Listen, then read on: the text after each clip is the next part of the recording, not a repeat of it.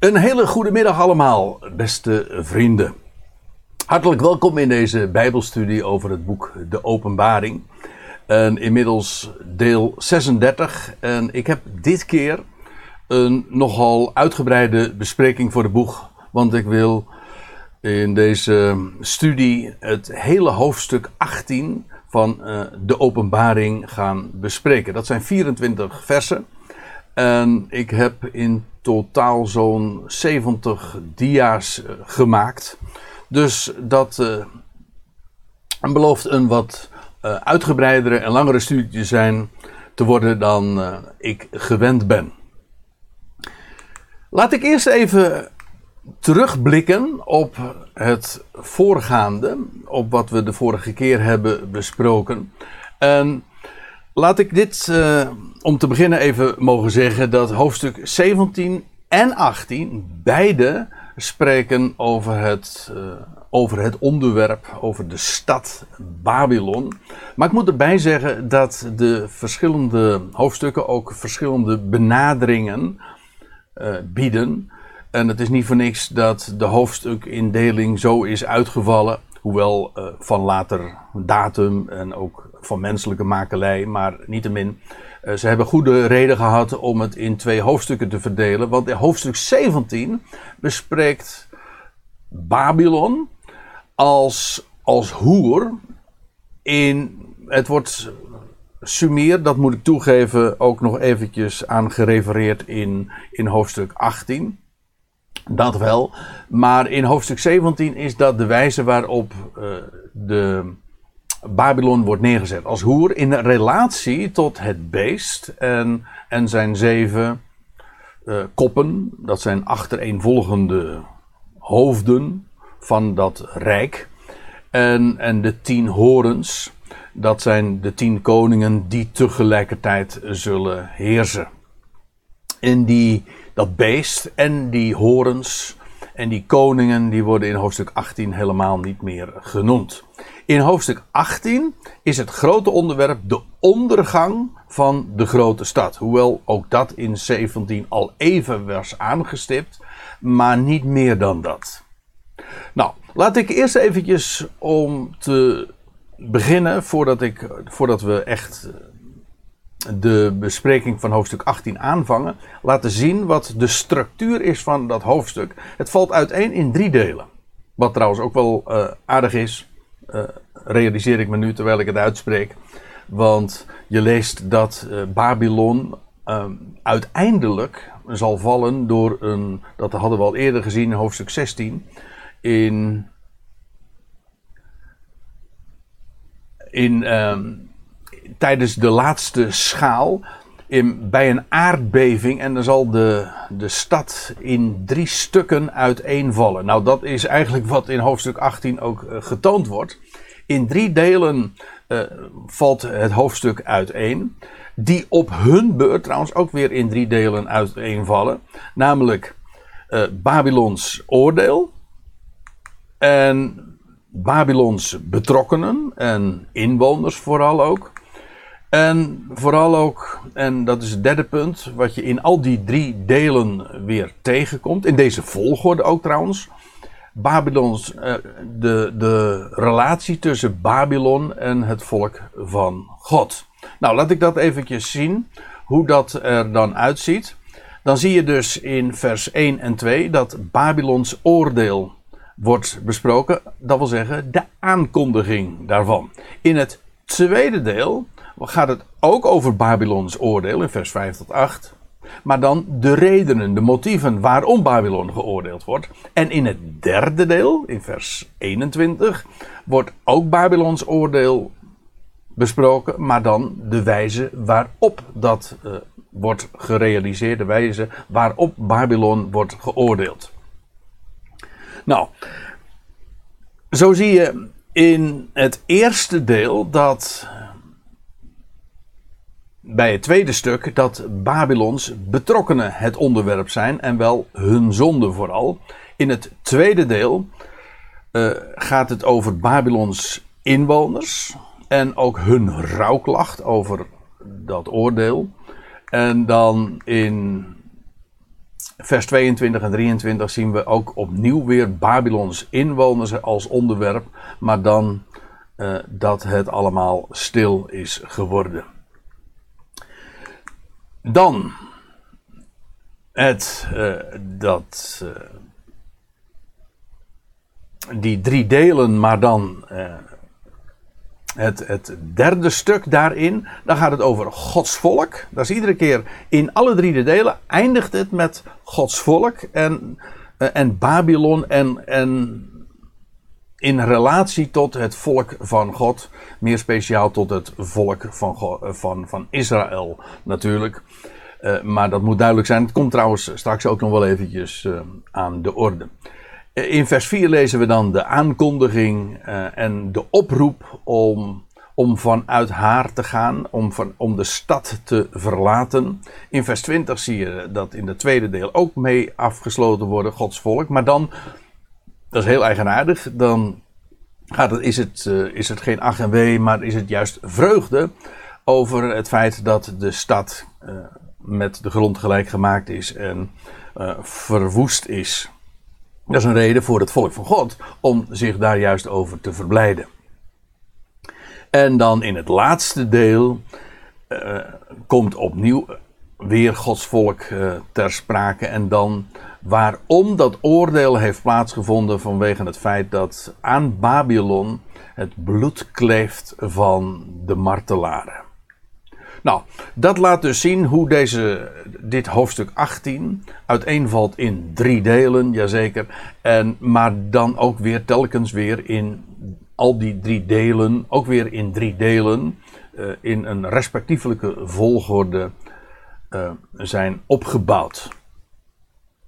Goed, laten we maar eens uh, beginnen met de vers voor vers bespreking. En dan staat er in vers 1: Na deze dingen nam ik een andere boodschapper waar. Dit geeft dus ook aan de wijze waarop Johannes nu aanvangt dat het onderwerp uh, nog steeds Babylon is, maar nu verandert het gezichtspunt. Vandaar ook dat hij zegt na deze dingen. Het is duidelijk de introductie tot een tot een, een, ja, een, nieuw, uh, een, nieuw hoofdstuk. En eigenlijk is hoofdstuk 18 ook een, een, een het sluitstuk. Uh, om een hele eenvoudige reden. We hadden namelijk al veel eerder gezien dat in hoofdstuk, uh, aan het slot van hoofdstuk 16. Dat daar worden de zeven schalen uitgegoten. Dat zijn de laatste zeven rampen die over de wereld zullen komen. Over de natie over de volkerenwereld. En de zevende schaal, wel dan is Babylon het grote onderwerp. En dan wordt Babylon verwoest van Gods wegen ook. En ja, dus dat betekent dat, dat Babylon eigenlijk als laatste, en nou refereer ik aan een, aan een profetie waar ik trouwens eerder ook in een eh, studie al op gewezen heb. In Jeremia 25 dat je, dat je verneemt dat uh, gezegd wordt dat, dat Babylon als laatste de drinkbeker van Gods toren zal drinken. Zij is het sluitstuk als Babylon verwoest is, wel dan is eigenlijk alles gerealiseerd. En dan is dat eigenlijk ook de introductie tot, uh, de nieuwe Aion. Eigenlijk is de verwoesting van Babylon dus ook het sluitstuk van, van, van deze boze Aion. Als die stad verwoest is, ja, dan is er niks meer eigenlijk wat nog uh, de, de wereldwijde, de globale uh, aanvang van het koninkrijk van God uh, zal, zal tegenhouden. Na deze dingen nam ik een andere boodschapper waar, zegt Johannes dan. Er wordt nog eens door verschillende verklaarders gezegd van ja, die andere boodschappers die beantwoord in, in, in veel opzichten aan. sorry.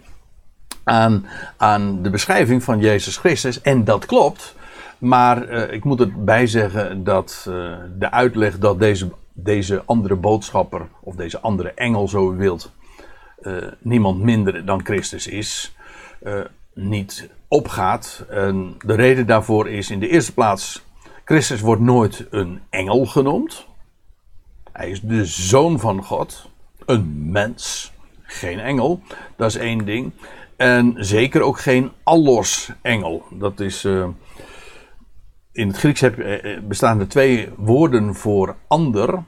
En het, je hebt het zwakkere woord allos. Dat betekent een ander, maar dan wel van hetzelfde soort. En je hebt het, het heteros. En dat is, een, dat is iets andersoortigs. Dus als Christus hier al een boodschapper genoemd zou worden, wel, dan zou het in ieder geval een heteros boodschapper zijn. Maar zelfs dat wordt, uh, wordt er niet gezegd. Het is een andere boodschapper, allos. En dat lijken mij twee redenen waarom, uh, waarom het uitgesloten is dat uh, deze boodschapper die Johannes waarneemt, Jezus Christus zelf zou zijn. Van hem wordt gezegd, uh, dat is wat Johannes waarneemt, uh, dat hij neerdaalt vanuit de hemel. Hij heeft grote autoriteit en de aarde werd verlicht vanuit zijn heerlijkheid. En ik moet u zeggen, terwijl ik dit dan ook voorlees, dat ik wel heel goed kan voorstellen waarom mensen en uitleggers ertoe geneigd zijn om in deze andere boodschapper Jezus Christus te zien. Want ja, is hij het ook niet die vanuit de hemel zal nederdalen? Is hij het ook niet die grote autoriteit heeft? En is het ook niet zo dat uh, juist de aarde verlicht zal worden, juist vanuit zijn heerlijkheid? Nou, dat mag dan waar zijn op zich, maar dat komt ook omdat deze engel, deze boodschapper, deze andere boodschapper, namens Christus optreedt. En vandaar ook zijn grote autoriteit. De grote autoriteit die hij hiermee uitstraalt, is juist omdat hij Christus vertegenwoordigt in, in, ja, in, in, nu in het sluitstuk van, van deze aion. De laatste rampen die nu, of ja, de laatste schaal die over de, de aarde wordt uitgegoten. Wel, dat, uh, dat is een sluitstuk. De, de salto mortale. Dit is echt het. Uh, ja, de, de climax in de, in de gerichten die, uh, die beschreven zijn. Dus ja, die andere boodschapper is niet zomaar iemand. Hij is, hem is grote autoriteit gegeven. En hij, en hij, die andere boodschapper dus, riep met sterke stem, zeggende: Het viel, het viel, het grote Babylon. Of het valt, het valt. Want uh, ja, dat ik het in de verleden tijd heb gezet is vanwege de, de rest van de zinsnede. Maar op zich moet ik erbij zeggen dat uh, de werkwoordsvorm, dat is de, de beroemde, de beruchte, zo u wilt, uh, werkwoordsvorm de aorist. En die aorist, dat betekent letterlijk zonder horizon. Het is een werkwoordsvorm die eigenlijk helemaal geen tijd uitdrukt. Het is een tijdloze. Wij, bij ons heeft een werkwoord altijd uh, is gekoppeld aan het verleden, of aan het heden, of aan de toekomst. Maar het Grieks heeft nog een werkwoordsvorm. En dat is de aorist, die niet in die categorieën van tijd zijn, is uit te delen. Is, uh, is in te delen. Wel, van dit Babylon wordt gezegd: het valt. Het valt, het grote Babylon. En, en zij werd. Ik, ik, nog eventjes ter toelichting. Een aorist betekent, is dus een tijdloze werkwoordsvorming, uh, werkwoordsvorm. Maar uh, dat wil zeggen, het drukt in zichzelf geen tijd uit. Als het al een tijd uitdrukt, dan moet dat uit de context blijken. Wel, dat is in dit geval inderdaad de verleden tijd. Uh, want er staat er, en zij werd een, een woonplaats van demonen. En een wachtpost van elke onreine geest. Die, die demonen en die onreine geesten, die waren overigens al in die stad, al voordat ze viel. Maar uh, waarom wordt dat nu hier in verband met de val gezegd? Wel omdat zij nog de enige overgeblevenen zijn in die stad. Want de stad wordt compleet ontvolkt. Er is geen levende inwoner meer uh, te vinden. En uh, het wordt een woonplaats uh, ja, nog van, van demonen en een wachtpost van elke onreine geest. Die stad, daar, daar blijft echt helemaal niets van over. En wat trouwens ook aangeeft dat de. Dat deze profetie over de val van Babylon in de huidige tijd nog niet vervuld is. Want op dit moment is, is Babylon nog steeds een stad, al heeft het een andere naam. Het heet tegenwoordig Hilla. Maar het is uh, nog steeds de hoofdstad van uh, een provincie, van de provincie Babylon trouwens. En ik heb er al een keertje eerder ook, uh, geloof ik, plaatjes van laten zien. Maar in ieder geval, het is een stad van enige betekenis in, in het huidige Irak. En de profetie is er onmiskenbaar over dat, dat Babylon inderdaad verwoest zal worden. En dat het ook niet meer herbouwd zal worden. En dat er niets meer gevonden zal worden. En het zal uh, een, een, stad zijn die ontvolkt zal blijven. Nou, dat betekent dus dat uh, deze profetie nog steeds vervuld moet worden.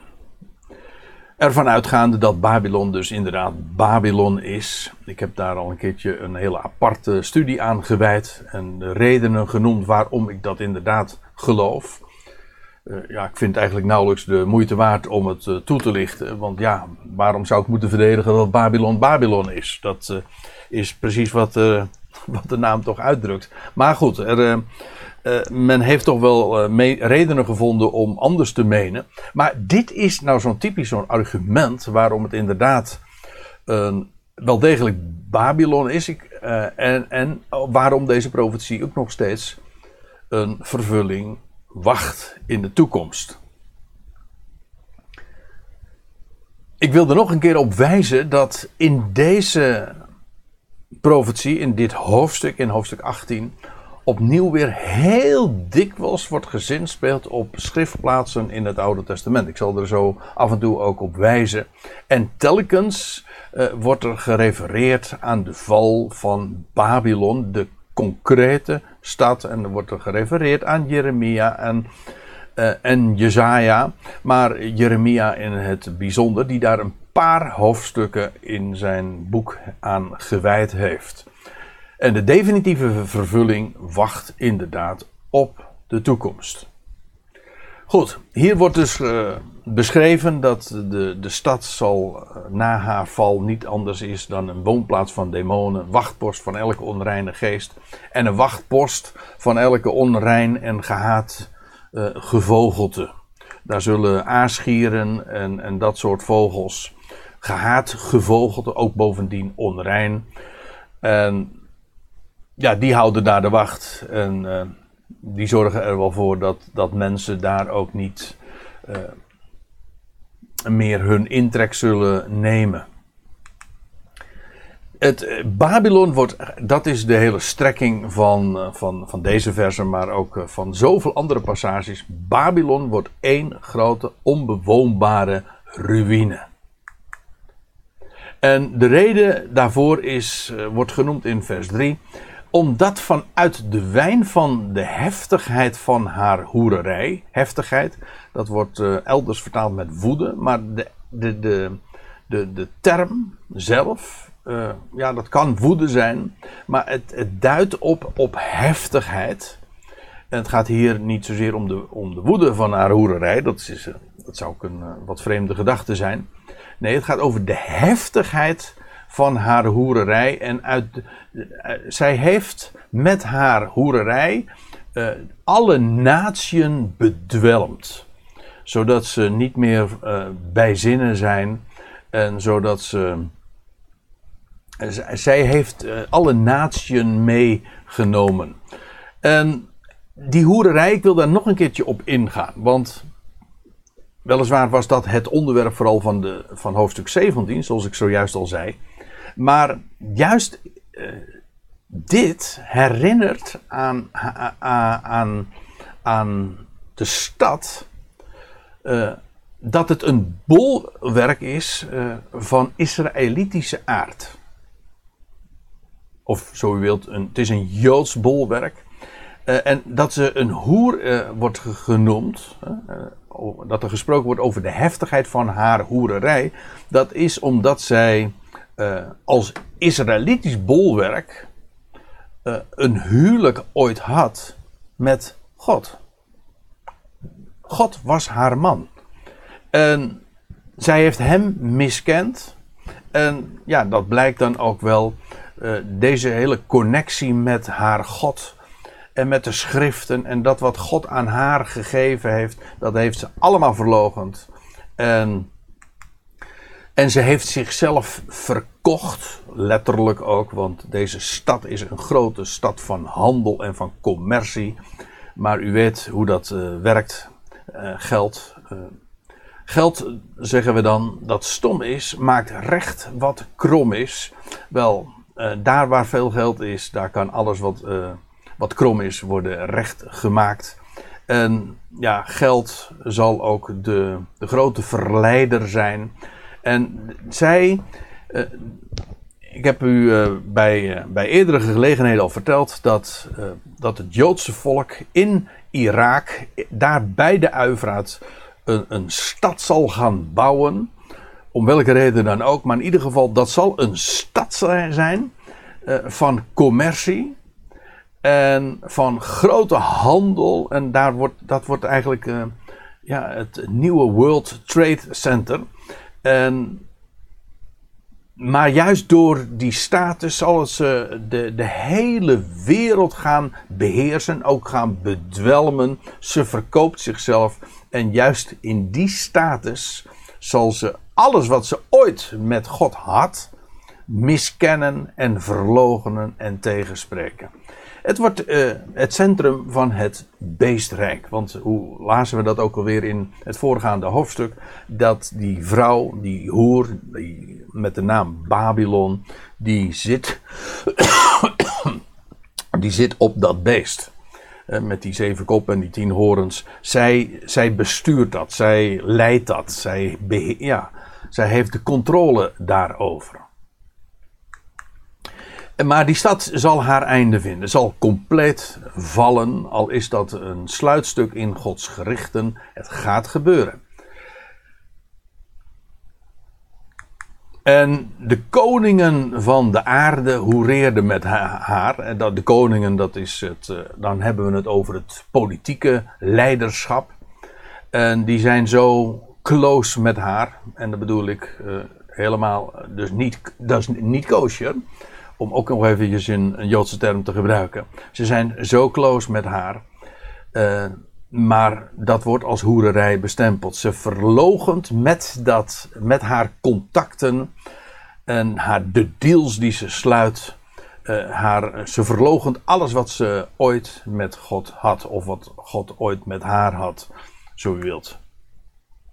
En de, koop, de koningen van de aarde, maar het geldt ook voor de kooplieden van de aarde. Daarvan wordt gezegd, en de kooplieden der aarde werden rijk vanuit het vermogen van haar weelde. En dit bewijst uh, de enorme status die deze stad in, de in ja, aan het einde van deze aion straks zal hebben. Ze heeft dus uh, het, leiders, het politieke leiderschap, maar waarom ook? Wel vanwege de, de, de commerciële belangen die daar zijn. Die koningen der aarde die zijn zo close met, met, met Babylon vanwege de kooplieden der aarde. Ja, dat is uh, uh, een aanduiding van ja, wat wij zouden zeggen de industriëlen, de bankiers, daar waar het geld zit, waar het geld uh, waar het geld rolt. En daar, in Babylon, daar is het vermogen van haar wilde. De kooplieden der aarde werden rijk vanuit het vermogen van haar wilde. Met andere woorden, de, de bankiers, het grote geld, verdient daar hun geld. Je kunt je wel voorstellen, als je zulke termen tot je laat doordringen, wat voor een gigantische uh, rol die stad straks moet gaan krijgen. Het betekent dus ook dat ja, het, het financiële centrum van de wereld niet meer daar in New York is, maar verhuist ja, naar de Uifraat. En ik geef toe, op dit moment zie je daar nog helemaal niets van.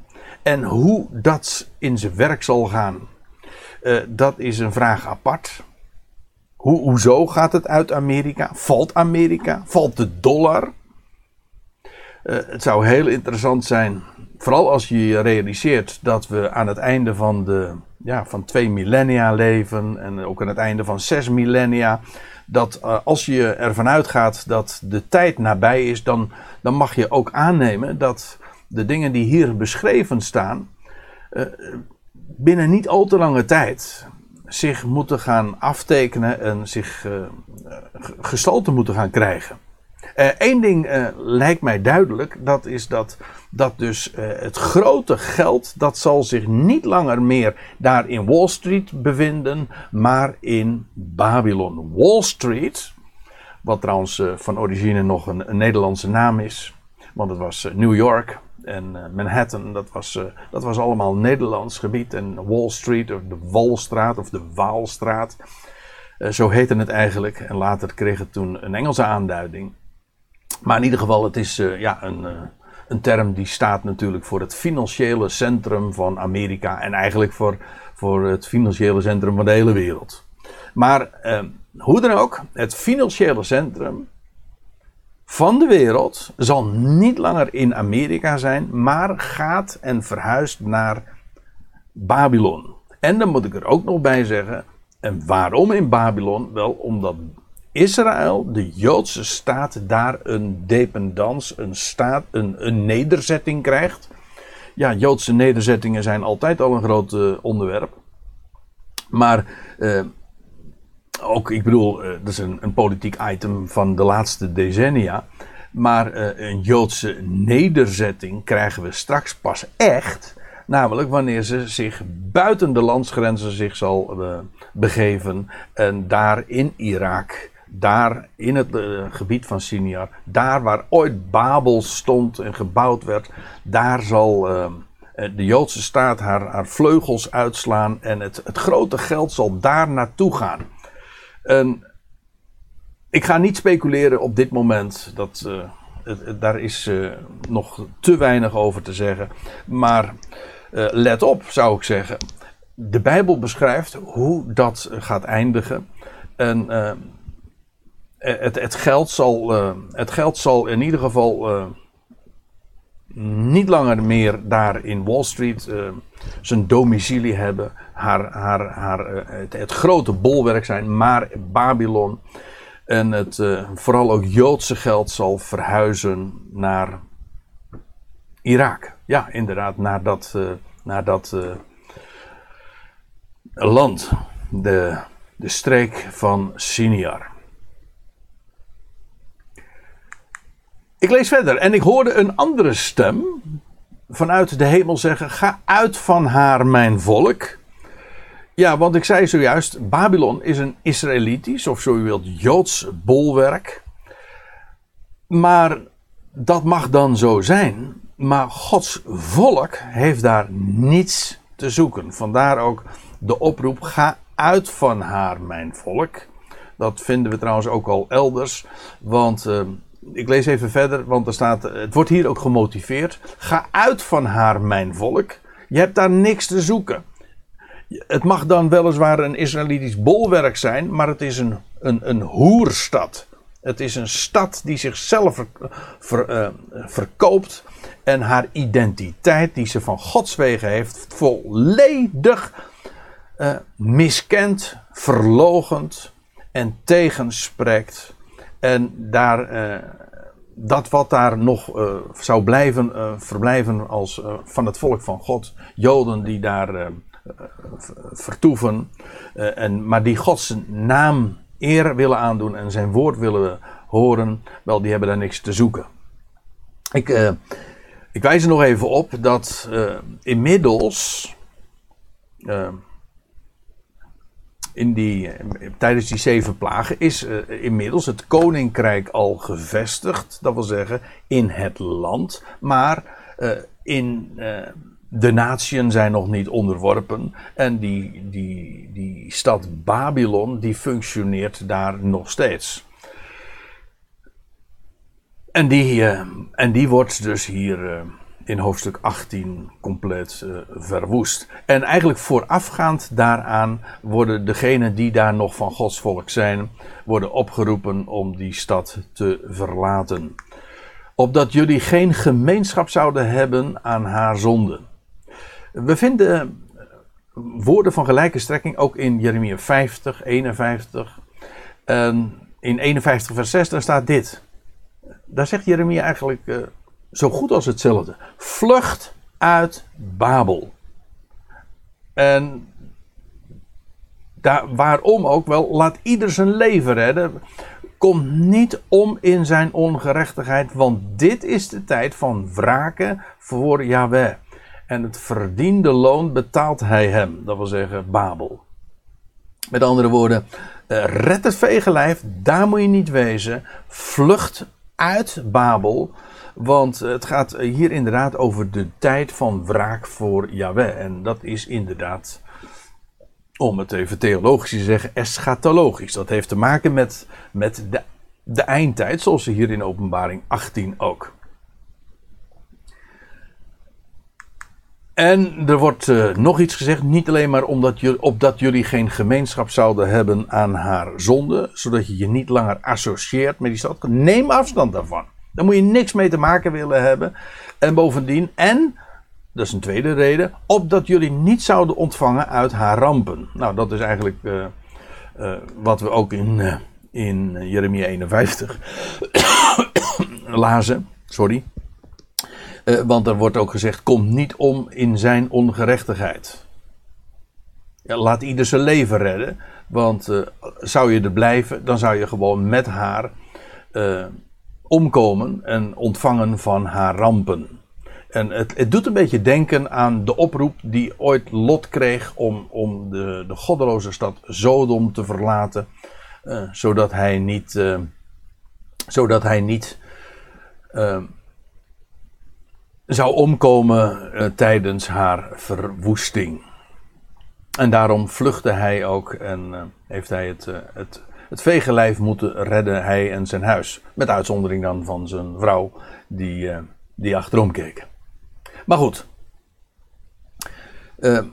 het is om deze reden dat het volk van God, dat daar nog zou blijven, om welke reden dan ook, weg zou gaan en zou vertrekken zo snel als mogelijk. Want staat er. Haar zonden werden opgestapeld tot aan de hemel.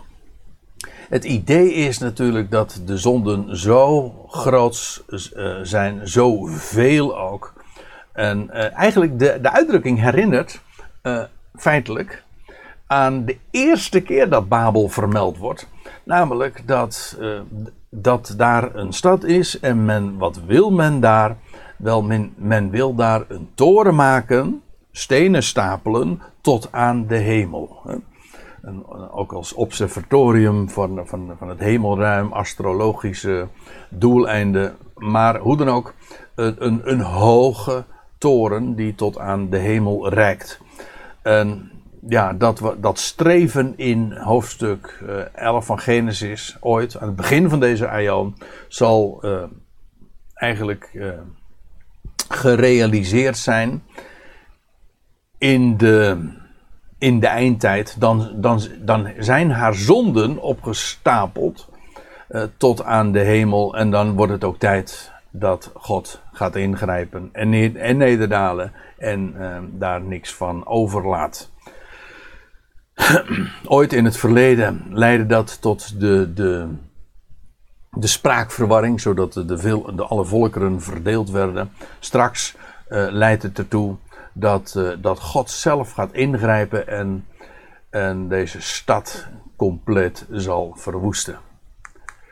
God herinnert zich haar onrechtvaardigheden. Dat betekent niet uh, dat, dat hij dat anders vergeten zou zijn, maar dat betekent hij zal haar er ook aan herinneren. En dat betekent hij gedenkt dat. Hij zal ook wreken, eh, wraak oefenen en dat betekent uh, het recht herstellen. Dus ik kom daar later nog even op terug. In vers 6 staat: Vergeld haar zoals ook zij heeft vergolden en verdubbelt het dubbele van haar, naar haar werken. Uh, men heeft dat uit dat verdubbeld het dubbele uh, op wel geconcludeerd dat het hier zou gaan om een viervoudig, hè, het dubbele van het dubbele. Maar ik denk niet dat dat het idee is. Het gaat over dat zij haar wordt vergolden. Ze krijgt dat wat ze haar toekomt. Maar dan dubbel, dubbel en dwars zeggen wij dan. waarom? Om, dat is, kijk, wraak in de Bijbel is altijd evenredig. De wraak zou nooit meer zijn dan het onrecht wat begaan is. Het is oog om oog en, en, en, en tand om tand. Het is niet zo dat, dat de wraak sterker mag zijn, groter mag zijn dan het eh, onrecht, want dat is geen rechtsherstel. Maar dat hier gesproken wordt over een dubbele vergelding, dat komt omdat het evenredig is aan wat Babel deed. Want Babel deed niet alleen zelf uh, fout, maar zij nam ook anderen mee in haar werken. En dat maakt het, in feite uh, verdubbelde zij zelf ook haar onrecht en haar zonden. Eh, in vers 6 lezen we dan verder: In de drinkbeker die zij mengt, meng dat voor haar dubbel. Dat wil zeggen, uh, zij drinkt zelf uit die drinkbeker, maar zij geeft ook anderen daarvan. Zij benevelt ook anderen met die drinkbeker. Nou, uh, zoals zij daarmee het onrecht uh, verdubbelt, wordt dat uh, hier ook gezegd van, zoals jullie dat gedaan hebben, naar haar werken, zal zij ook dubbel uh, wraak ontvangen uit de hand van God. Zoveel zij zichzelf verheerlijkte en in wilde leefde, buitensporig, obscene en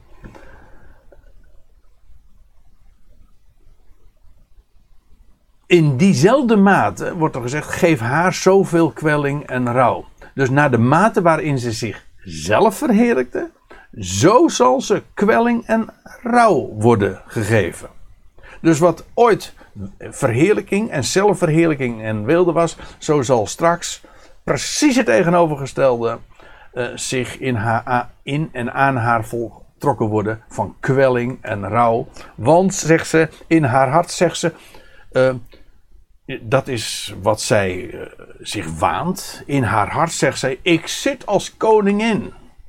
En ja, eerlijk is eerlijk, dat is ze feitelijk ook, want ze zit namelijk op dat, dat, dat grote rijk van de eindtijd, dat beestrijk. In hoofdstuk 17, vers 18 lazen we: En de vrouw, Babylon, die je waarnam, is de grote stad en dan wordt er gezegd, die het koninkrijk heeft over de koningen van de aarde. Dus zij bezit het koninkrijk over de koningen van de aarde. En dus is ze met recht ook, nou ja, met recht uh, in, in die zin dus dat het een, een feitelijke constatering is, dat zij dus koningin is. Nou, dat mag dan zo zijn, maar uh, zij zegt daarbij ook nog, en ik ben geen weduwe. Nou, dat is ze wel, maar daarmee, door zich zo te afficheren, miskent ze dat ze haar man kwijt is. Zij is een hoer, daarmee, dat is de ene kant. En, en ze is ook een weduwe, maar dat ontkent ze, want ze logent haar man. Of dat ze een man gehad heeft. Dat miskent ze. Haar echte identiteit logent ze. En ze, ze staat zich erop voor dat ze de, de wereld beheerst, maar ze ontkent haar man. Met wie ze getrouwd was. Ze zegt: Ik ben geen weduwe en, en, en zal geen rouw waarnemen.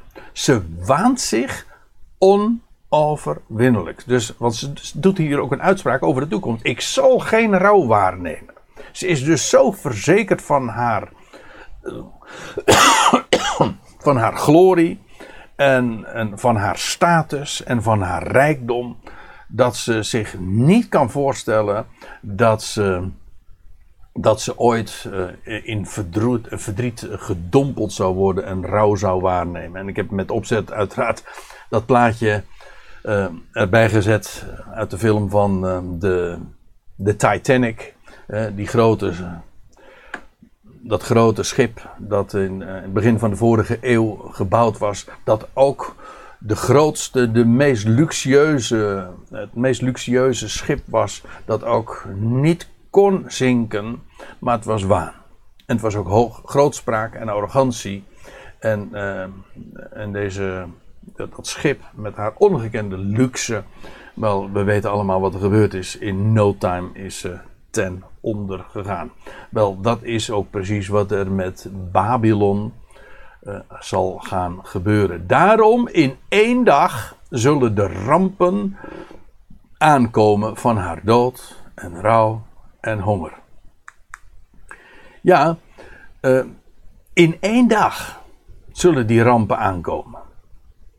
In hoofdstuk 17, vers 16 lazen we al dat, uh, nou laat ik het voorlezen, en de tien horens die je waarnam, die jij Johannes waarnam, en het beest, deze, dus dat beest en die tien horens, uh, deze zullen de hoer, het Babylon, haten, hoewel ze beheerst wordt door haar, maar er zal een haatverhouding zijn. Ik ben de vorige keer daar al even op ingegaan.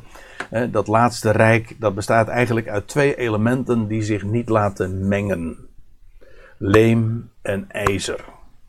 Aan de ene kant dat de, de, de Joodse component, de Israëlitische component, en tegelijkertijd dat de, de Arabische wereld. Uh, dat zijn twee elementen die zich niet zullen mengen en er zal een haatverhouding zijn. Uh, hoewel het toch een eenheid zal vormen, maar niet echt. Hoe dan ook, uh, uiteindelijk zal, zal de stad worden gemaakt tot een woestenij door de tien horens, die tien koningen en het beest. Ze zullen de haar tot woestenij maken en naakt. Dat wil zeggen, um, van haar muren haar, haar bescherming uh, ontdoen. En haar vlees zullen zij eten. Dat wil zeggen, haar haar inwoners zullen omkomen en ze zullen haar verbranden in vuur. Staat hier trouwens ook. Uh, daarom in één dag zullen de rampen aankomen van haar dood en rouw en honger en met vuur zal zij verbrand worden. Ja, dat is namelijk wat, de, wat de, het beest en die tien koningen zullen doen. Uh, hoe die, uh, hoe dat zal geschieden, dat, dat, daar blijf ik vanaf. Uh, maar in ieder geval, het zal allemaal in één dag plaatsvinden. En of dat een kernramp zal zijn, ik weet het niet.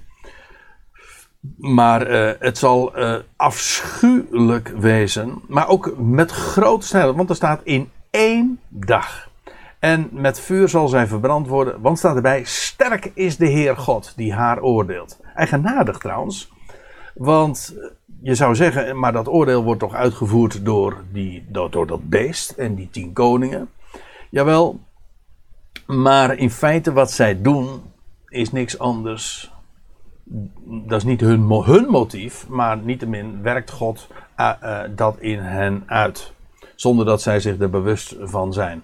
En ik moet er ook bij zeggen: het is namelijk niet alleen maar dat zij met vuur verbrand zal worden, maar ook dat als klap op de vuurpijl de stad zelf door God zal worden verwoest. Namelijk door de grootste aardbeving ooit. Zo wordt dat in hoofdstuk 16 genoemd. En ik zei al uh, bij het begin van deze studie: de stad zal uiteenvallen in drie stukken. Vanwege die aardbeving. Dus het is, daar zit een menselijk element in. En tegelijkertijd ook een, een goddelijk uh, gericht door uh, die aardbeving. Dat is weer iets wat niet door een mens wordt uitgevoerd. Dat is duidelijk, lijkt mij. Maar het is, en dat is de, het idee in hoofdstuk 18, het is de Heer God zelf die haar oordeelt. Het gekke is trouwens dat in hoofdstuk 7, pardon, in hoofdstuk 18 ook niet meer verwezen wordt naar dat wat mensen deze stad zullen aandoen. Het wordt eigenlijk alleen maar beschreven als een gericht van, van Gods wegen. Hoezeer daar ook mensen bij betrokken zijn, dat weten we uit het voorgaande hoofdstuk. Maar dat is niet het gezichtspunt, de, het op, de optiek in hoofdstuk 18. In vers 9 staat dan: En de koningen van de aarde zullen huilen en heftig treuren over haar. Zij die met haar hoereerde en in wilde leefde. Ja, er komt een einde aan haar, eh, aan haar luxueuze bestaan. En ja, allen die daar ooit bij betrokken waren, die, uh, ja, die, die zullen dat dus uh, aanschouwen. En daar, uh, u kunt zich voorstellen dat als zo'n stad dit overkomt, zo'n luxe stad, waar alle wereldhandel plaatsvond. Ja, als dat in één keer verwoest, dat is een, een, een, een, zo'n treurnis over de wereld. Dat zal een. Hoezeer ook. Uh, dat waar ik het net over had, dat dat ook uh, het beest zelf dit, dit oordeel zal uitvoeren en de stad zal verbranden met, met de betrokken koningen. Dat mag dan waar zijn, maar het neemt niet weg dat het resultaat er een zal zijn van, ja, van, van treurnis en van, van grote rouw. Uh, kun je je de, de krantenkoppen voorstellen die dat beschrijven in die dagen? Hoe zo'n stad compleet inderdaad in één keer uh, in al haar glorie, zeg maar, kwijtraakt. De koningen van de aarde zullen heftig treuren over haar wanneer zij de rook zien van haar verbranding, van verre staande vanwege de vrees van haar kwelling. Ja, van verre staande, hoezo? Wel, uh, omdat ze bang zijn, vanwege de vrees. Op veilige afstand dus om niet zelf getroffen te worden. Zeggende, wee, wee, de grote stad Babylon. Hier zie je ook weer, welke stad? Babylon. En het is een grote stad. Het is een, vanwege de status die het heeft. Het is ook een sterke stad. Uh, natuurlijk ook vanwege dat wat ze politiek en financieel en economisch allemaal betekent. Maar ja, des te afschuwelijker zal natuurlijk die, die ondergang zijn in één keer. In één uur kwam uw oordeel. Dat is nog sterker dan in vers 8, want daar werd het genoemd, gezegd in één dag. Maar in één uur kwam uw oordeel. Dat, dat is wat Babylon zal overkomen. Dat is zoals Babylon zal eindigen. En dan staat er in vers 11: En de kooplieden van de aarde huilen en rouwen over haar. Ja, de kooplieden, dat zijn weer, waar ik het in eerder over had, de industriëlen en de bankiers. Ja, die hebben daar hun vermogen. Zoals we dat eerder lazen. Dus als die stad omkomt, ja, dan is dat voor hen natuurlijk een, een, fataal. Want ze, nou vandaar ook, ze huilen en rouwen over haar. Want niemand koopt de vracht meer. Dus alles wat ze bezitten aan lading, dat is. Uh, ja, dat, dat kan niet meer zijn weg vinden. Uh, en nou gaan we een, een tweetal versen uh, krijgen waarin dat allemaal, die vracht, die lading, dat handelswaar wordt benoemd. Er worden dan zeven soorten vracht of handelswaar genoemd. En ik. sorry. Er worden. Ik zal ze even op een rijtje zetten. Het begint met sieraden, fijne kledingstoffen, kostbare voorwerpen, uh, specerijen en reukwerken, drank, voedsel, vervoersmiddelen en mensen, namelijk die in feite slaven zijn. Want ook mensen worden uh, eigenlijk uh, gezien als, uh, als handelswaar. mensen worden verkocht.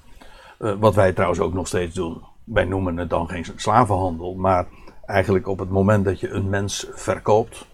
En daar een prijs voor betaalt. Ja, is dat niks anders dan. dan, dan mensenhandel. Nou, laten we er eens doorheen lopen. Want dan wordt eh, die, die, die vracht benoemd, hè, want niemand koopt de vracht meer. Vracht van goud en van zilver. Hè, dat is allemaal wat benodigd is voor sieraden. Uh, kostbaar gesteente en parels. Ik denk bijvoorbeeld aan de diamanthandel ook. En als ik het zo zeg, uh, dan dat is niet voor niks, omdat er de Joodse wereld met name ook bekend staat vanwege de diamantslijperij, de diamanthandel. Dat is zoals algemeen bekend in, in hoge mate in handen van, Joodse, van de Joodse wereld. Wel, dat zal zich dan in die dagen concentreren daar in Babylon. En, maar die vracht, die lading, die zal dan ook niet meer zijn weg kunnen vinden in Babylon, want dat is verwoest. Vracht van goud en zilver, kostbaar gesteente en parels, van fijn linnen en purper en van zijde en van scharlaken. Dus ja, hier wordt uh, materiaal genoemd van de, van de duurste kleding. Ik zei al, Babylon is natuurlijk de luxe stad bij uitstek, zoals, de, zoals vandaag de tamelijk nabijgelegen stad Dubai ook die reputatie heeft. Of, of uh, wat dacht u van de stad die momenteel druk in aanbouw is, Neom, daar aan de Rode Zee in Saoedi-Arabië. Heeft ook die reputatie, maar straks, over een paar jaar, zal ik maar zeggen, zal Babylon die zal, zal, uh, zal Babylon die reputatie hebben? De concentratie van dat alles vinden we daar. En van elk soort citrushout. Ik wil op de allerlei details uh, nu niet te diep ingaan. Uh, maar eventjes als, als groepen van vracht en van lading. en, en handelswaar wil ik ze toch even benoemen. Uh, van elk soort uh, ivoren voorwerp, elk soort voorwerp van het kostbaarste hout. Kortom, het gaat hier over, over, het, uh, over hele exclusieve kunstvoorwerpen. maar dat niet alleen, ook van koper en van ijzer. De, de metaalhandel, wat, waarvoor de hele ja, de, de, de grote industrieën zijn daar in, in hoge mate van afhankelijk. Uh, en van marmer, de exclusieve keramiek, van kaneel en spijzerijen en reukwerken. Uh, ook dat is een, een hele tak van handel, waarin enorm veel kapitaal uh, rondgaat. van specerijen, aroma's, zalfolie, crèmes, cosmetica, wierook en wijn. Wat dacht u van de wijn en de hele drankhandel in het algemeen? Ja, dat, uh, dat zijn uh, takken van. Uh, dat zijn soorten artikelen waar natuurlijk gigantisch veel commercie mee gemoeid is. En olie, dat is wel interessant, want op zich, het, kijk, het woord olie komt van het woord olijf. Maar ook in onze taal is uh, olie uh, ook een aanduiding van mineralenolie. Sterker nog, als wij het vandaag hebben over de oliehandel, dan denken we niet zozeer aan olijfolie. Dan denken we gewoon aan dat, zwart, dat zwarte goud, zoals het ook wel genoemd wordt, aardolie. Dat juist daar in het Midden-Oosten, onder de grond van Babel, Babel zal ik maar zeggen, uh, gevonden wordt. Ik beweer niet dat ook die olie uh, daar hier ook uh, bedoeld wordt, maar ook dat is olie en dat zou zomaar kunnen. Ik geef het ter overweging. Olie en uh, er wordt ook gesproken over tarwebloem en graan. Je zou kunnen zeggen dat, aangezien dat hier in één adem genoemd wordt, dat dus dat olie ook wel iets met, het, met voedsel te maken moet hebben. Dat is een punt, dat zou kunnen. Maar goed, ehm, ik laat dat ehm, aan, uh, aan de opinie en het oordeel uh, van u als luisteraar over. Uh, hoe dan ook, de handel die stop komt te liggen ook van de hele van, van graanproducten waar natuurlijk ook enorm veel mee gemoeid is. van huisdieren en schapen, de hele dierenhandel in het algemeen. Uh, schapen, waarbij het vooral natuurlijk gaat om dat wat schapen opleveren, namelijk uh, wol. Ja, vlees ook wellicht, maar ook de hele wolindustrie van paarden. Uh, ik denk dan met name aan de paardensport, maar ook van wagens. Interessant trouwens dat het Griekse woord is redon. Of redon. En dat, dat is een wagen dat is een, eigenlijk een, uh, het komt uit Latijns. Is een wagen met vier wielen. En uh, ja, ik denk dan uh, in de eerste plaats aan ja, als we het hebben over onze tijd en we hebben het over wagens en met vier wielen, dan denken we niet meer aan koetsen. Dan denken we aan auto's met name. Of meer in het algemeen aan de transport, aan het wegvervoer. U moet zich realiseren dat in openbaring 18 uh, een stad beschreven wordt vanwege haar luxueuze positie, de commercie, de enorme handel, alle takken van artikelen. Sorry. Vooral luxe artikelen worden daar benoemd en beschreven. En dus denk ik ook eh, in dit geval aan de transport- en autohandel. En, en tenslotte wordt genoemd, maar die blijken hier het laatst, uh, het, het, minst van waarde te zijn het feit dat ze het laatste genoemd worden. En lichamen en zielen van mensen. Uh, lichamen en zielen is denk ik ook een hendiadis. Een, dat wil zeggen twee in één. Of er iets wat eigenlijk één is, maar het wordt in tweeën gezegd. Uh, de lichamen, namelijk de zielen van mensen. U moet zich dan realiseren dat uh, in, in de Bijbel uh, lichaam en ziel niet per definitie een tegenstelling is. de mens is een ziel. En dat ons lichaam ja, is niks anders dan ja, een, een levend lichaam, een levende ziel. Lichamen, namelijk zielen van mensen. En waar het hier feitelijk over gaat, is net zoals dat er sprake is van, van wijn en van graanproducten en van kledij en van, nou ja, noem maar op. Alles wat we tot dusver genoemd hebben, is er ook een levendige handel in, in mensen. Die geleverd worden. En ja, laten we wel wezen dat uh, dat doen bedrijven ook niet anders. Hè? Mensen verkopen en zulke deals worden gesloten. En je kunt je voorstellen dat een stad als Babylon uh, met uh, al haar functies dat daar dus ook een, een heel veel gehandeld wordt, gedeeld wordt in mensen en functies en beroepen. En, ja, zulke dingen kun je je gemakkelijk voorstellen ook in onze dagen. En dan in vers 14. En de oogst van de begeerte van uw ziel ging van u weg de oogst van de begeerte, dat is een wat uh, uh, vreemde uitdrukking misschien, maar eh, de oogst dat is gewoon het resultaat waarnaar u verlangt. Trouwens, eigenaardig dat Babylon hier nu in de tweede persoon wordt aangesproken. Eerst nog in de derde persoon, het ging over Babylon. Hier is Babylon zelf. De oogst van de begeerte van uw ziel ging van u weg. De, het resultaat waarnaar u verlangt. En wat is dat dan? Wel, dat wordt in de volgende zinsnede dan vertaald. En alle weelderige en schitterende dingen, het ging voor u verloren. En deze twee zinnen lopen parallel. Ik wil het laten zien. De oogst van de begeerte van uw ziel, wat is dat? Dat is alle weelderige en schitterende dingen. En dat ging van u weg, oftewel het ging voor u verloren. Dus het ene, de ene zin wordt in de volgende zin verklaard. En dat betekent gewoon dat alle weelde, al het schitterende, dat is voorbij. Het is finito, het is exit, het is over en uit. En het zal ook niet meer gevonden. Alle glorie is in één uur voorbij.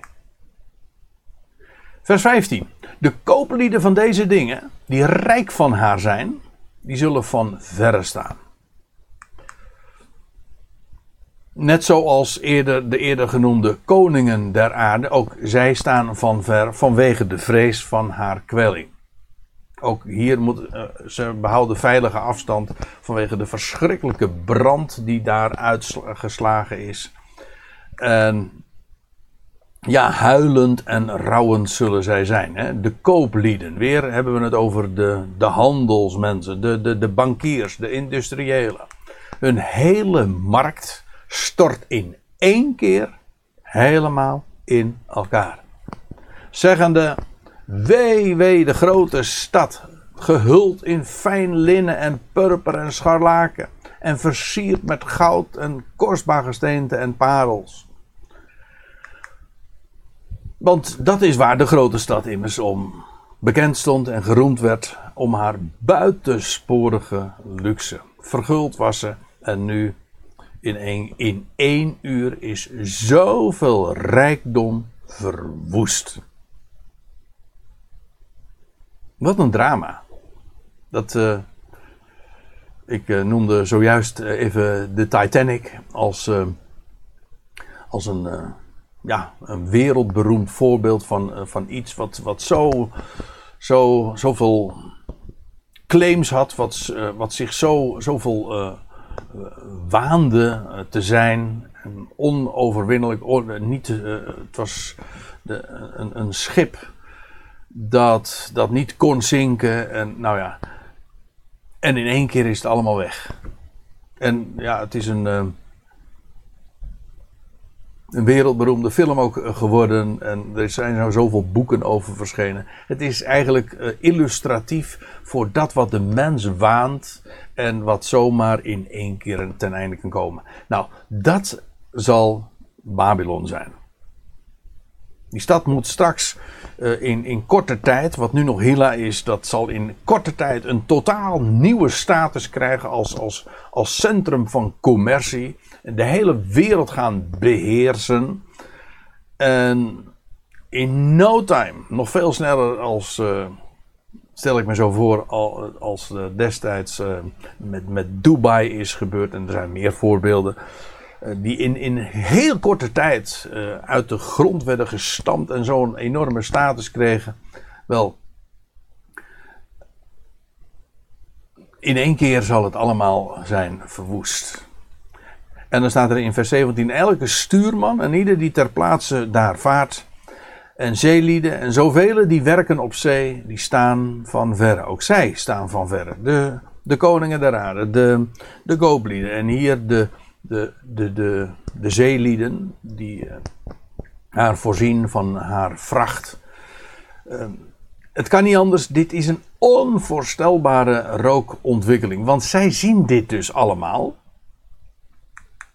Uh, eventjes, laten we even wat de, de kaart erbij pakken. Babylon, Babylon ligt, op, ja, ligt nogal landinwaarts weliswaar aan de rivier de Uivraat, maar altijd nog 500 kilometer uh, dat uh, verwijderd van de Persische golf waar de Uivraat dus in uitloopt. Uh, eh, 500 kilometer afstand van de Persische golf, 900 kilometer afstand vanaf de Middellandse Zee gerekend. En, en nog 100 kilometer meer vanaf de Rode Zee gerekend. Maar al die, al die zeelieden, die stuurmannen en allen die daar werken, die staan daar van ver en ze roepen terwijl zij de rook bekijken van haar verbranding. Zeggende, wat was de grote stad gelijk? Nou, ik heb hier eventjes een, een, een plaatje, een kaart gemaakt. En dan zie je dus uh, de, de Persische golf. En wel, en je ziet daar links de Rode Zee en daarboven de Middellandse Zee. En je moet je voorstellen dat zij die de zee bevaren, het zij de Middellandse Zee, het zij de Rode Zee, het zij de Persische Golf, die zien daar de rook van haar verbranding. Niet, ze zien niet het vuur, dat, daar is de afstand te groot voor. Maar ze zien wel de rook van haar verbranding. Dus er zal een ja, dat laat zich raden. Er zal natuurlijk een enorme rookontwikkeling zijn. En vanaf de zee, uh, vanaf het zij de Persische Golf, het zij vanaf de Rode Zee of de Middellandse Zee, zal die rookpluim gezien worden. En dan met de uitroep: Wat was de grote stad gelijk? En dan staat erbij: En ze wierpen stof op hun hoofden. Uh, als, uh, als uitduiding van, van rouw.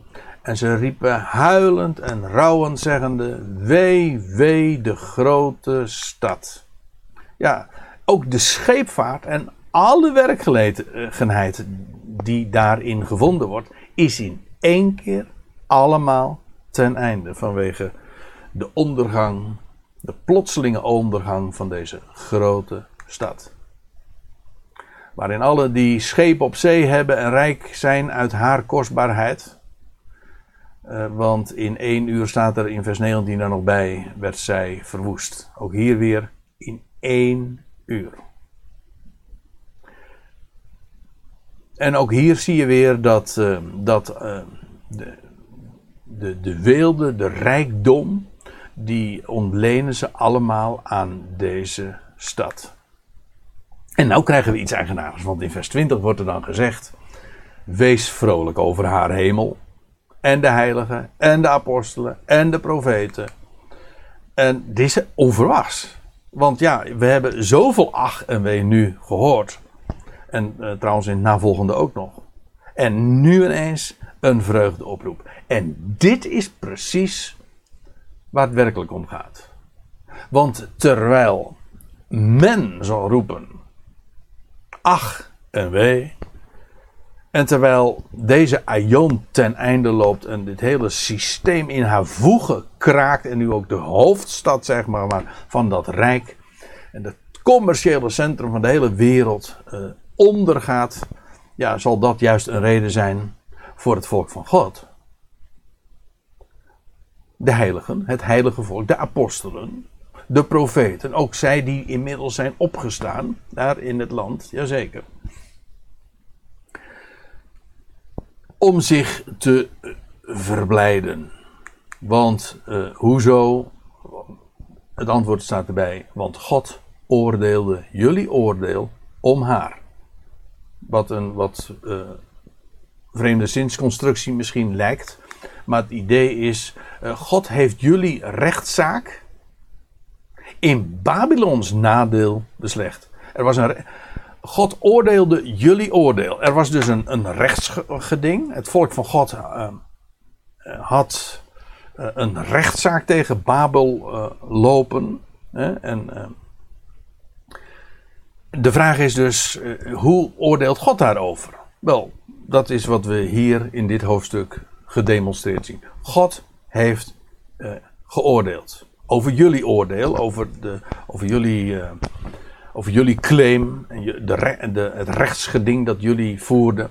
En wel om haar heeft God nu zijn oordeel uitgesproken. En dat is dus, ja, in, mag wel duidelijk zijn, in Babylons nadeel. De stad is ten onder gegaan.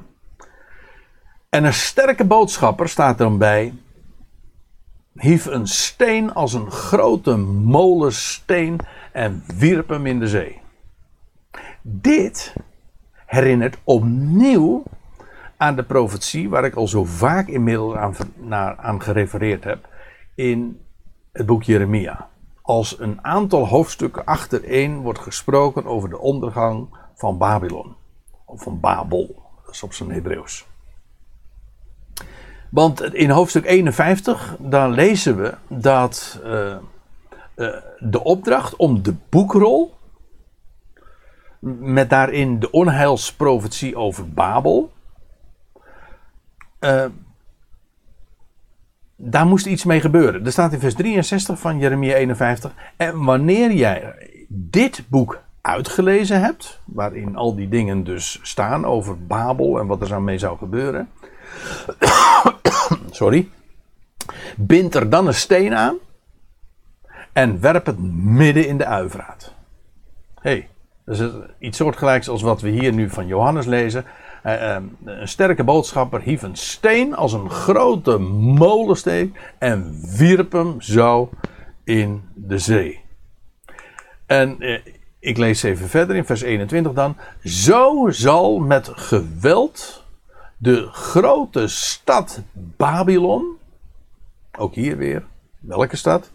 De grote stad Babylon geworpen worden, zodat ze niet meer gevonden wordt. En ja, dit lijkt ook weer op wat we in Jeremia 51 lezen, want dan staat er in het vervolg, in vers 64, evenzo zal Babel zinken en niet weer bovenkomen, ten gevolge van het onheil dat ik zegt God zelf, erover gaat brengen.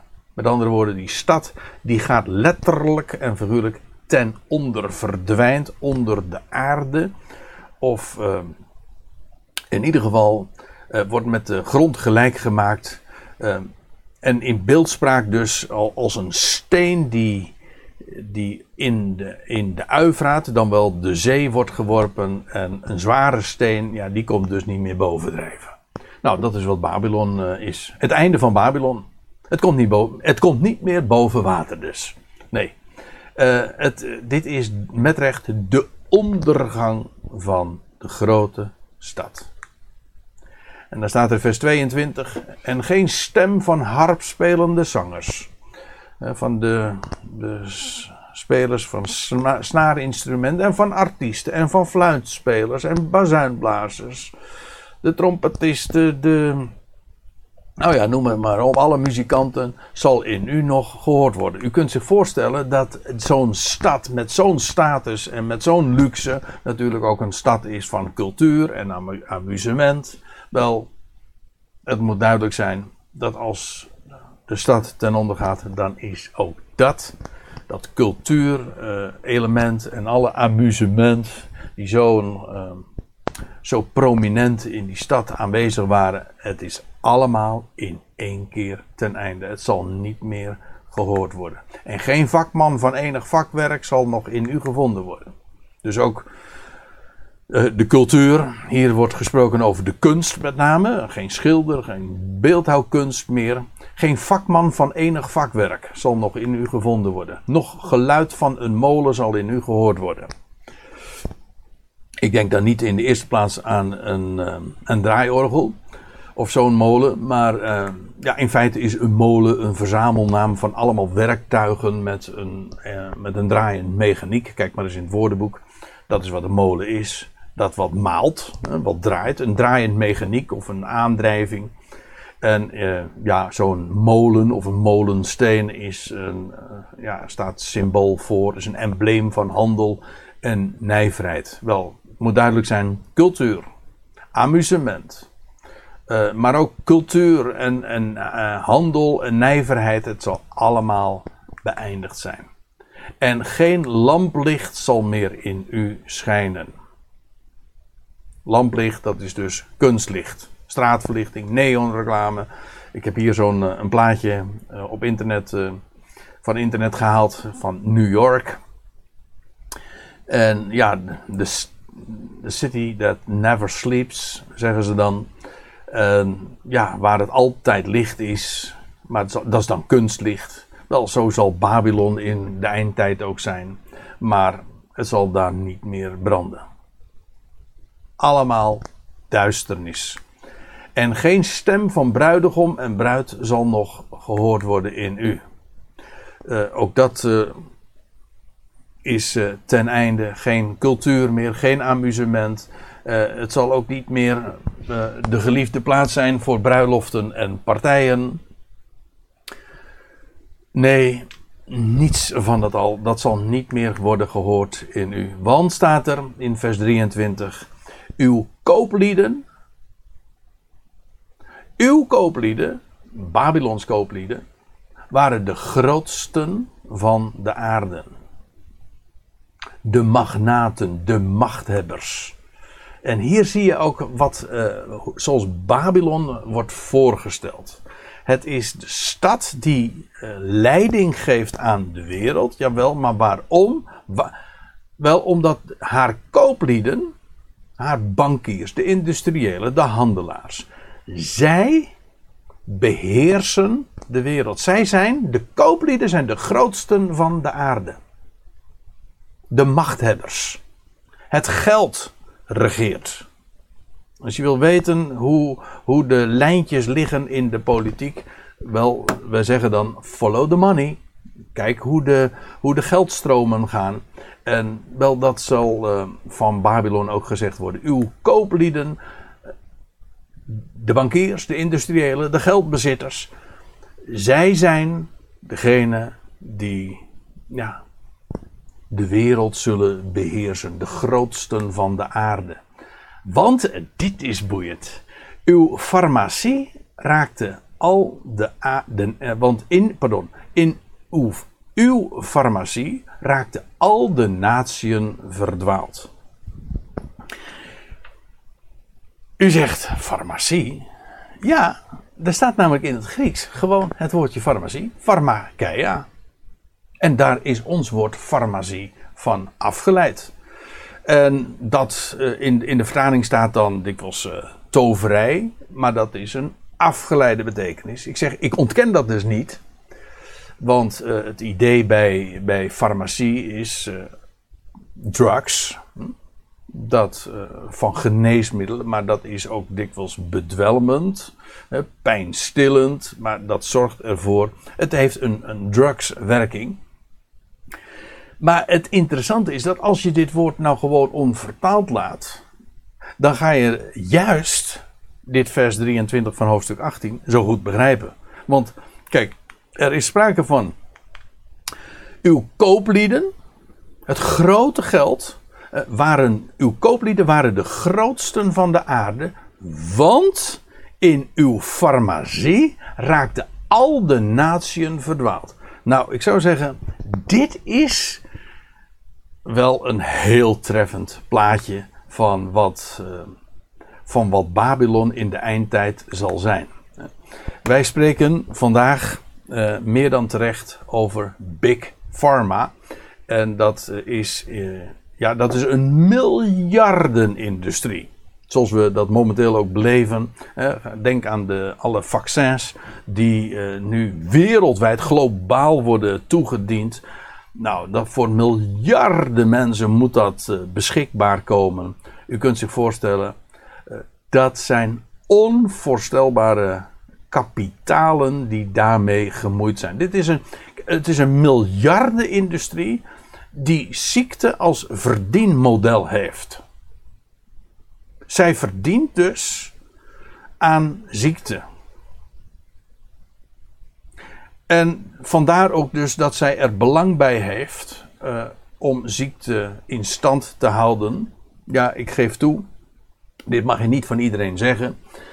En, uh, want nu stel ik uh, de farmaceutische industrie in een fout en kwaad daglicht. En ik wil niet over één alles over één kam scheren. En ik beweer, ik doe geen uitspraken over motieven van individuele mensen. Ik heb het gewoon over de farmacie als systeem, de big pharma. Dat is een miljardenindustrie die verdient aan onze, aan, aan ziekte in het algemeen. En zelfs daar waar nog ineens ziekten zijn, ik heb het nu dus over vaccins, uh, daar kan je namelijk ook uh, grof geld mee verdienen. Namelijk als het verkocht wordt als eh, ter voorkoming van ziekten. In uw farmacie raakten al de natieën verdwaald. En ja, dat is precies ook uh, waar het grootste geld mee uh, van doen heeft. We hebben gezien waar, waar dat grote geld allemaal mee verband houdt. Met alle handelswaar, met welke ladingen, met alle luxe de, alle commercie, maar niet in het minst ook de farmakeia, de farmacie. En uh, opmerkelijk zoals dat dan geformuleerd wordt, want er staat er: uh, Uw kooplieden waren de grootste van de aarde, want in uw farmacie raakten al de natieën verdwaald. En dan zie je trouwens ook dat dat een drugswerking heeft, de farmacie. Uh, want uh, net als met drank en alcohol uh, bedwelmt dat ook. En dat is letterlijk zo, maar dat is ook figuurlijk zo. Want ja, als, als er zoveel geld een rol speelt, dan kan dat zomaar het, het oordeelsvermogen ook van de leiders van de wereld zomaar bedwelmen. En, en inderdaad, ik denk nu ook wat er nu gaande is in de wereld. Um, en noem het conspiracy, noem het uh, samenzwering. Maar ik zal u dit vertellen: dat wat hier in, Babel, uh, in Babylon over een, een, jaar of wat zal gaan gebeuren. En hoe die stad ten onder zal gaan. En hoe, hoe het grote geld ten onder zal gaan. Van, juist ook vanwege de farmacie die daarin een rol speelt. En hoe de al, de na, al de natieën daarin verdwaald zijn geraakt dan uh, kan ik, uh, dan is het niet moeilijk uh, je voor te stellen dat als dat straks in Babylon het geval is, dat dat zich nu ook al in, in hoge mate zich aftekent. heel opmerkelijk zoals de commercie hier in, eh, aan het slot van Openbaring 18 wordt neergezet en hoe de farmacie uh, daarin wordt uh, benoemd en hoe het in staat blijkt al de natieën te doen dwalen, te verleiden, te bedwelmen, zodat hun oordeelsvermogen niet meer zuiver is. En zodat ze dingen beslissen die, waar ze wel aan, weliswaar aan veel verdient. Ze worden er, ja, dat is natuurlijk wat je kunt zeggen.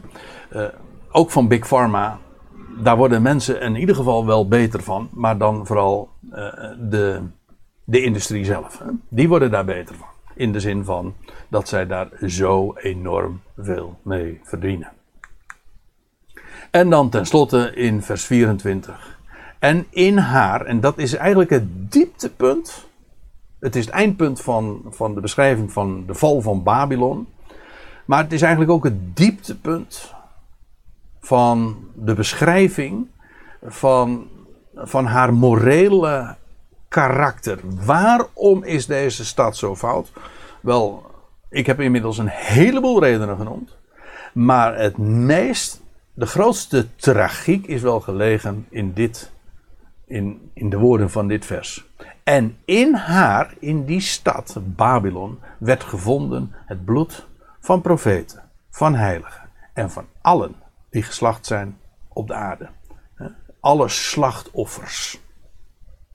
Al het bloed vergieten. Ook straks in de eindtijd. Ook in de eindtijd, de martelaren in het land, in de, tijdens de grote verdrukking in het land Israël. De velen die zullen omkomen. Ja, dat wordt allemaal gelegitimeerd daar in Babylon. Want ja, daar heeft het beest ook zijn, zijn, zijn, eh, zijn plaats, eh, ik bedoel zijn, uh, van daaruit bestudeert, sorry, bestuurt het, het rijk. En ik zei al, Babylon is ook daarbij een verlengstuk van Jeruzalem. maar in ieder geval, in Babylon wordt dat allemaal gelegitimeerd en mogelijk gemaakt. Betekent dus niet, vers 24, dat alle martelaren hun dood vonden eh, van allen die geslacht zijn op aarde, dat het allemaal plaats heeft gevonden in Babylon. Nee, maar het is wel zo dat Babylon daar verantwoordelijk voor geacht wordt. Of in ieder geval mede verantwoordelijk voor is. En dat deze stad een notenbenen, een Israëlitisch, een Joods bolwerk, dat die juist het bloed vergieten van de velen, die, van de vele getuigen van de Messias. En die opkomen voor de naam van God. Uh, zij zullen. Uh,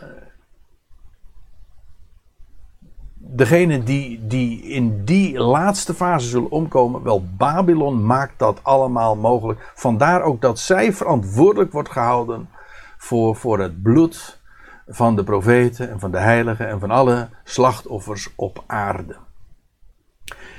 Vandaar dat die stad vergolden moest worden. God gaat recht doen. God gaat uh, wreken.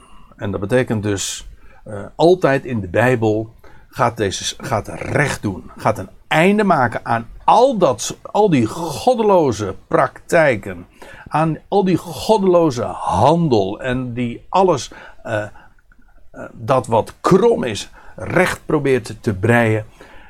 Wel, die stad die wordt in één keer verwoest. En dan zie je dus dat alle menselijke arrogantie uh, aan de kaak wordt gesteld. En God gaat demonstreren dat Hij het is die, uh,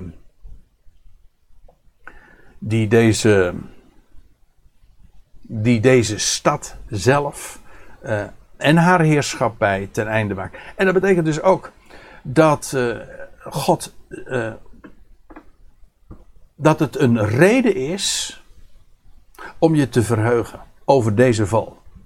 Het is een afschuwelijke beschrijving, maar het feit dat dit bolwerk nu ten einde is, dat betekent de stad Babylon is ten einde, is ten onder gegaan. Leven, de stad Jeruzalem. De stad van de grote koning. Want nu Babylon beëindigd is en ten onder gegaan is, nu gaat Jeruzalem de stad worden van de grote koning. En die zal de wereldheerschappij op zich gaan nemen. Wel, de grootste blokkade daartoe was Babylon. En dat is uh, in dit hoofdstuk haar. Uh, die vindt in dit hoofdstuk haar einde. En dat hebben we nu dus gezien. En, daarmee ben ik ook aan het einde gekomen van deze bespreking van, van Openbaring 18. Goed, nou, ik wilde het maar eens een keer hierbij laten, want ik zie dat ik bijna anderhalf uur gesproken heb. En het wordt dus tijd om hier een punt achter te zetten. Ik zou zeggen, beste mensen uh, en luisteraars, een hartelijk dank voor jullie attentie voor en de aandacht. En ik zou zeggen, tot een volgende keer.